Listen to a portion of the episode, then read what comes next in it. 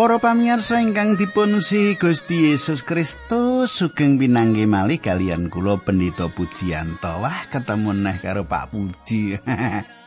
Nggih, kula niki dikangeni kathah tiyang lho kadang kula pancen ya piye nggih. Ora tau ketemu ning dikangeni. Ngelten nggih. Wonten ikan sanjang Pak Puji ki yusane pira ya? Nah, aku ora kepengin ketemu gitu. Wonten nika sederek kepanggih nggih Pak sinten niku Pak Goto. nggih Pak Goto kados pundi Pak Goto saya-saya nggih. Wah, jadi ketua panitia Natal terus menika nggih Pak Goto nggih. Kula nalika semanten sowan ya panitia meneh gitu. Ah, priyantanipun semangat ngladosi Gusti kadang kula. Nah kadang kula ingkang kula tresnani kados padatan kula badhe sesarengan kalian panjenengan wonten ing adicara margi utami nggih.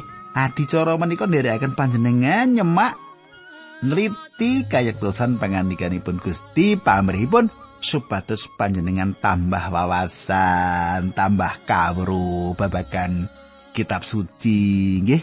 Nah, kadang kula ampun lali jeng minggu ngajeng nika kula khotbah. Wah, kan khotbah nggih mendino khotbah kan khotbah dina minggu teng gereja nggih. Nek kadang kula sugeng midhangetaken adicara menika.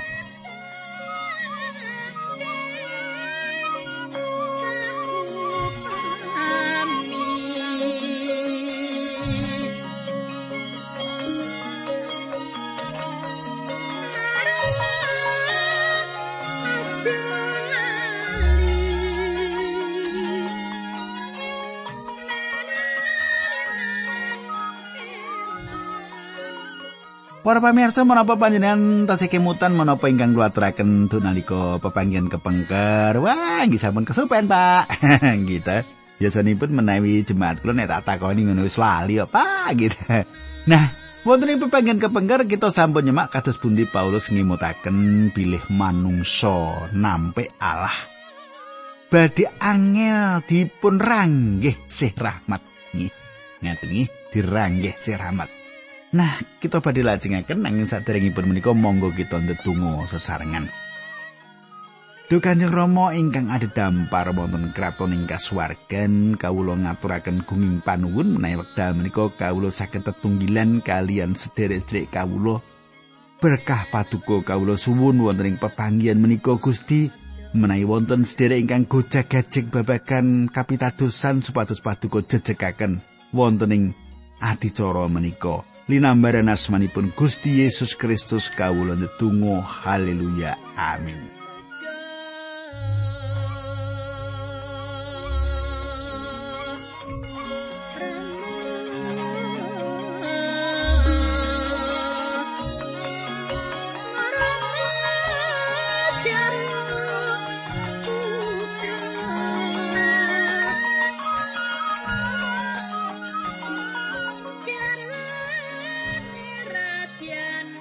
Para pamirsa samenika kita sampun ngancik ing Rom 11.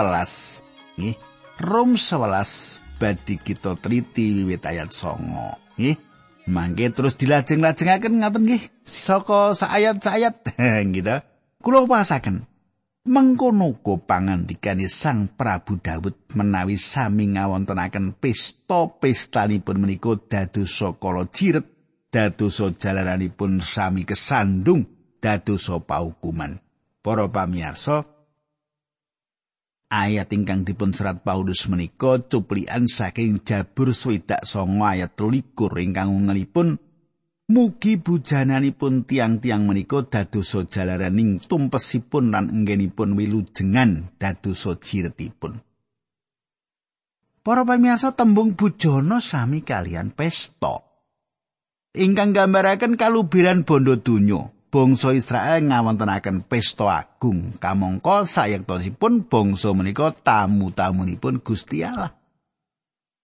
Bangsa menika mboten ngaturi uleman dumateng Gusti Allah gegayutan karan pesta-pestanipun kados ingkang dipun tindakaken ing wekdal bangsa menika manembah brahala. Ingkang dumados inggih menika Gusti Allah kemawon ingkang ngulemi bangsa menika. Paskah satunggalipun conto ingkang misuwur ingkang dipun kajengaken ing mriki inggih menika bangsa Israel ngawontenaken pesta kinantinan raos gumedhi lan ginakaken cara-cara kafir. Ingkang dados pengayom tata lahir bangsa menika njiret piyambakipun piyambak. Tundhonipun kasukmanipun ingkang sejatos malah risak. Bangsa menika pitados dumateng menapa ingkang dipun tedha tanpa keyakinan sejatos dumateng Gusti Allah. Para mitra kula, inggih menika kahanan ingkang dumados samenika ing salebetipun warga gereja.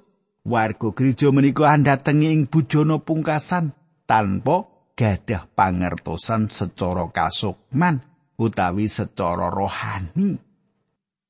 Kula lajengaken ayat doso mripatipun dadosa pepeteng ngantos mboten sami saged ningali kadamela sami bungkuk margi kemomotan dening kasisahanipun.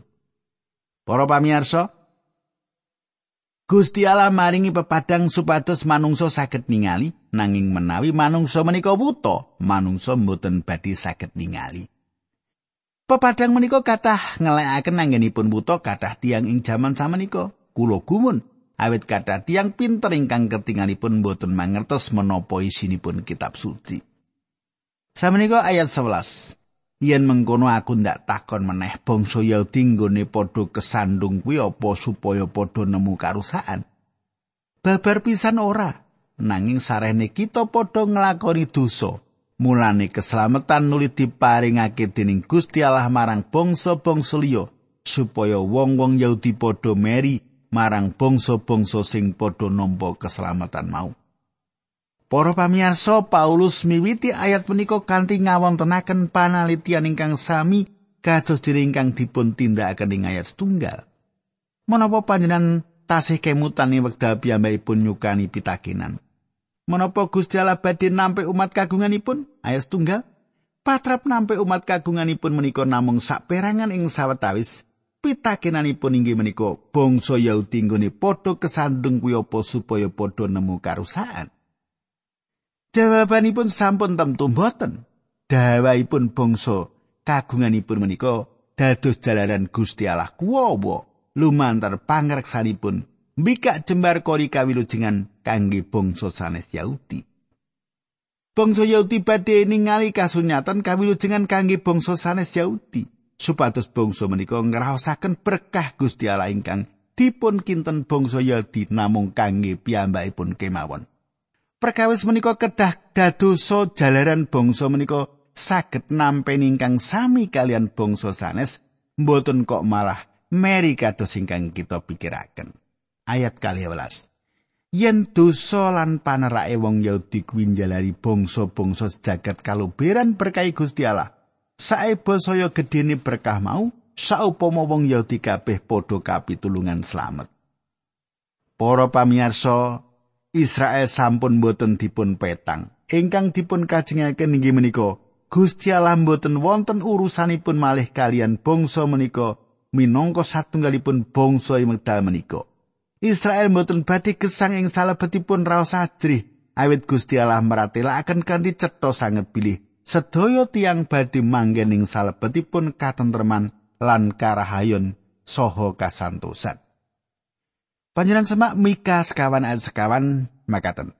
Angger wong bakal urip kanthi tentrem ngadepi kebon anggur lan kebune anjir dewi-dewi. Sarta ora ana perkara sing diwedeni. Pangeran Allah kang Maha Kuwasa sing janji mengkono. Katang kula wiwit bangsa menika mboten dipun petang, bangsa sanes Yahudi nampi sih rahmatipun Gusti Allah. Kados pundi kegayutan sih rahmatipun Gusti atas bangsa sanes Yahudi sasampunipun bangsa Yahudi nampeni malih. Sih rahmat menika badhe lipet-lipet. Yakobus nyetaken perkawis menika ing salebetipun rapat Dewan Agung ing Yerusalem. Yakobus ngendikaken pilih Gusti Allah nimbali satunggalipun umat saking antawisipun bangsa-bangsa sanes Yahudi konjo asmanipun kados panjenenganipun nimbali bangsa Israel. Serajingpun Gusti Allah paring pangandikan Para Rasul gang 11 ayat 16. Sawise mengkono aku bakal bali sarta mbangun meneh omahe Daud sing wis rubuh lan jugrugane bakal ndak dandani lan ndak santosake meneh. Ayat pitulas supaya wong liyane sing dudu Yahudi kabeh padha goleki aku ya kuwi saking wong sing ora wanuh parang aku sing wis ndak timbali dadi kagunganku inggih menika alasan kula kenging menapa ing sawekdal-wedal kula damel pratela ingkang kadang kula bingungaken kathah tiang bilih kebangunan rohani ageng-agengan dumados sing bumi menika saderengipun gereja wonten Kulo ginakaken tembung kebangunan rohani ing salebetipun pangertosan umum inggih menika tiang-tiang ingkang bertobat dumateng Allah. Tiang ingkang naminipun Yunus kesah dateng kita Niniwe lan ningali sedaya penduduk kita menika bertobat dumateng Gusti Allah. Panji leres dumados lelampan ageng ing wekdal kathah tiang bertobat dumateng Gusti Allah ing dinten Pentakosta. Ingkang dipun miwiti ngadegipun gereja ingkang kawitan nanging presentasinipun kados pundi? Para pamirsa, Pentakosta inggih menika satunggalipun riyaya ing Yerusalem. Ing pundi sedaya tiang jaler Israel dipun wajibaken dhateng.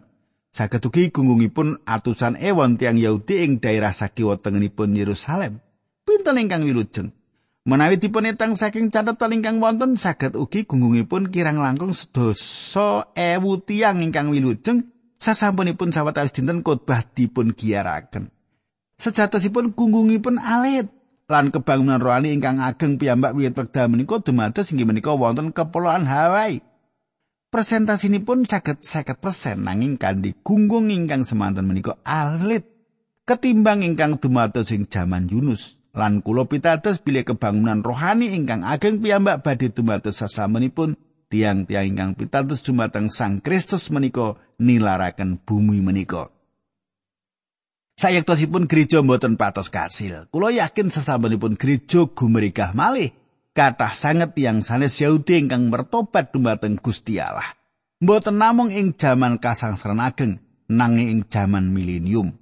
Bangsa-bangsa sanes Yahudi badhe lumebet ing kerajaan sewu taun lan saperangan ageng saking bangsa menika badhe sangat remen pemerintahanipun Sang Kristus lan bangsa menika badhe mertobat dumateng Gusti Allah ing mangsa menika. kula pitados lelampahan ingkang kula aturaken menika kanthi gumulonging manah. Nah, samenika ayat 11 lan rolas rum 11 nggih kita lajengaken. Yen mengkono aku ndak takon meneh. Bangsa Yahudi nggone padha kesandung kuwi apa supaya padha nemu karusaan? Babar pisan ora. Nanging sarene kita padha nglakoni dosa mulane keselamatan nuli diparingake dening Gusti Allah marang bangsa-bangsa liya supaya wong-wong Yahudi padha meri marang bangsa-bangsa sing padha nampa keselamatan mau. Yen dosa lan panerake wong Yahudi kuwi njalari bangsa-bangsa jagat kaluberan berkahi Gusti Allah, saebo saya gedene berkah mau, saupama wong Yahudi kabeh padha kapitulungan slamet. Para pamiyasa, pengajeng-ajeng kula menapa ingkang kula jarwaaken menika mitulungi panjenengan anggen panjenengan mangertosi kalih ayat menika. malah bingung mengki nggih cobi mekaten nggih nang aku kondo marang kowe bangsa-bangsa dudu Yahudi awit saka iku aku Paulus dadi rasul kanggo bangsa dudu Yahudi aku mulyakake leladiku menawa wong-wong dudu Yahudi dadi umat kagungane andadekake bangsa kumeri usana bisa nyelametake sawetara wong Israel. Kanthi tembung sanes akibatipun Paulus ngendika ing setunggal Korintus 9 ayat kali dosa Yen layanan karo wong Yahudi tumindakku kaya wong Yahudi supaya aku bisa oleh hati saka wong Yahudi, yen layanan karo wong sing padha nganut Torete Nabi Musa tumindakku kaya wong sing nganut Toret senajan uripku ora gumantung ing Toret supaya aku bisa ngendeng wong-wong mau. Kadang kula inggih menika ingkang Adamel Paulus kisah dateng Yerusalem kanthi rambutipun dipun cukur lan kanthi sumpah bilih piyambakipun badhe budidaya andadosaken bangsanipun pitados dumateng Sang Kristus. Menapa kita nindakaken ingkang kados makaten kamangka piyambakipun kesangka bawasih rahmat. Kesangka bawasih rahmat leripun Paulus mboten sisa nindakaken kados makaten menawi piyambakipun menika purun. Ing salebeting seratipun dumateng pesawaning Korinta piyambakipun lajengaken. Setunggal Korinta 9 ayat 21. lan tumraping wong-wong dudu Yahudi aku tumindak kaya wong dudu Yahudi kaya-kaya aku ora ngerti karo adat tata carane wong Yahudi supaya aku bisa ngending wong dudu Yahudi kuwi ora mergo aku ora manut karo anger-angering Gusti Allah sebab uripku nganut angger-anggeri Gusti Yesus Kristus. Kadi tembung sanes Paulus bangun turut dumateng Sang Kristus salajengipun Paulus ngendika setunggal Korintus 9 ayat 23 Ing tengah-tengah wong sing imane ringkih tumindakku kaya wong sing imane ringkih uga supaya aku bisa ngendeng wong-wong mau srana mengkono aku wis dadi pepadani saben wong supaya sebisa-bisa aku nyelametake saperangan saka antarané wong-wong mau srana patrap apa wae kadang kula Paulus ingkang kawitan tanggal jawab dumateng kalengganipun minangka jejeripun rasul kangge bangsa-bangsa sanes Yahudi. Laning salebetipun nindakaken dados rasul menika Paulus mbudidaya mecut sederek-sederekipun Yahudi supados mertobat dumateng Sang Kristus. Sawetawis saking bangsa menika mertobat dumateng Sang Kristus namung sekedhik nanging namung saperangan kemawon. Ing salebeting sedayanipun Paulus ngerampungaken anggenipun gelaraken Injil lan Gusti Allah nyempurnakaken tujuanipun ing jaman samenika saya atas bangsa Yahudi ugi bangsa sanes Yahudi. Para pamirsa, kula mangertos kalegan ingkang dipun rasaken dening Paulus ing salebetipun Paulus nindakaken menapa ingkang Gusti Allah dawuhaken dumateng piyambakipun. Gusti Allah nyawisaken panggenan kangge panjenengan. Gusti saged ugi ngersakaken panjenengan sregep lan muca sekolah minggu. nindakaken pendamelan panjenengan pribadi utawi nuntun sederek sanes lumantar kegiatan bisnis utawi Gusti saged ugi ngersakaken panjenengan yang kuyung tiang sanes singkang saestu-estu tebih saking pangandikanipun Gusti. Menapa kemawon menika panjenengan badhe ngraosaken kalegan ageng ing salebetipun nindakaken menapa ingkang panjenengan yakini Gusti Allah paring dawuh dumateng panjenengan supados panjenengan tindakaken. Rum 11 ayat kang 11. Saya ora krasa tekan Rum 11 ayat kang 11. Makaten surasipun sebab nalika biyen wong-wong mau padha ditampik dening Gusti Allah, kuwi jalari jagat karukunake karo Gusti Allah lan dadi mitrane Gusti Allah. Banjur saupama wong-wong mau padha mertobat lan ditampa dening Gusti Allah, apa kuwi ora tekes yen wong-wong mau padha katangake saka ing pati. Para pamirsa, saestu ngremenaken menawi saged jagani mangsa tembi masa depan. Dinten-dinten ingkang paling ageng wonten ing ngajeng kita. Saking paninganipun manungsa, mangsa tembi menika surem. Masa depan itu surem. Manungsa sampun adamel jagatipun risak mboten kantenan. Kathah juru mikir ingkang mboten gadah pengajeng-ajeng ningali mangsa tembi kita. Nanging Gusti Allah kula lenggahing damparipun panjenenganipun badhe mberesaken sedaya menika. Dinten-dinten ingkang ageng piyambak wonten ing ngajeng kita, mangsa tembe putra Allah ingkang saestu agung. Kula lajengaken ayat 16 Rum 11. Yen cuwilane roti sing dhisik dhewe kacaosake marang Gusti Allah, kuwi ateges roti mau kabeh kacaosake Gusti Allah. Yen oyote kagungane Gusti Allah ateges nganti saepang-epange ya kagungane Gusti Allah. Para pamirsa panjenengan saged ugi kemutan ing salebetipun kitab wilangan ing pundi Gusti Allah paring pangandikan. Wilangan kang salah ayat selikur roti kawitan sing dudu kok saosake mau mligi kagem pangeran iki pernatan kanggo ing selawas-lawasi. Roti kawitan ingkang dipun kajengaken inggih menika adonan roti Perangan saking adunan kalwa dipun pisungsungaken dumateng Gusti Allah minangka pratandha bilih sedayanipun menika dados keparengipun. Roti kawitan kanthi cetha nedahaken asal mulanipun bangsa Abraham, Iskak lan Yakub. Salajengipun panjenengan semak tembung kacaosaken marang Gusti Allah utawi suci. Tembung menika boten wonten gegayutanipun kalian menapa kemawon nanging ing kasunyatanipun bilih bangsa menika dipun mligakaken kagem Gusti Allah. Menawi roti ingkang kawitan utawi adonan ingkang kawitan secuwe saking adonan dipun mligakaken kagem Gusti Allah kados pundi kegayutan kalian panenan kita sedaya. Wiwit Abraham, Iska lan Yakub dipun mligakaken kagem Gusti Allah. Kados pundi nasib bangsa menika? Sedayanipun inggih menika kagunganipun Gusti Allah. Gusti Allah dereng rampung urusanipun kalian bangsa Israel. Ayat pitulas. Rom 11 ayat pitulas upamane mengkini ana pang sawetara sing dipagas saka wit zaitun sing becik banjur ana pang saka wit zaitun alasan sing dicangkokake ana ing wit zaitun sing becik mau kowe para wong pratoya sing asale saka bangsa dudu Yahudi kuwi kena diumpamake pange wit zaitun alasan mau. Lan saiki kowe padha melu ngrasakake kekuatan lan kaluberaning uripe wong Yahudi. Para pamirsa, panjenengan lan kula bejo awit bangsa pilihan Allah menika.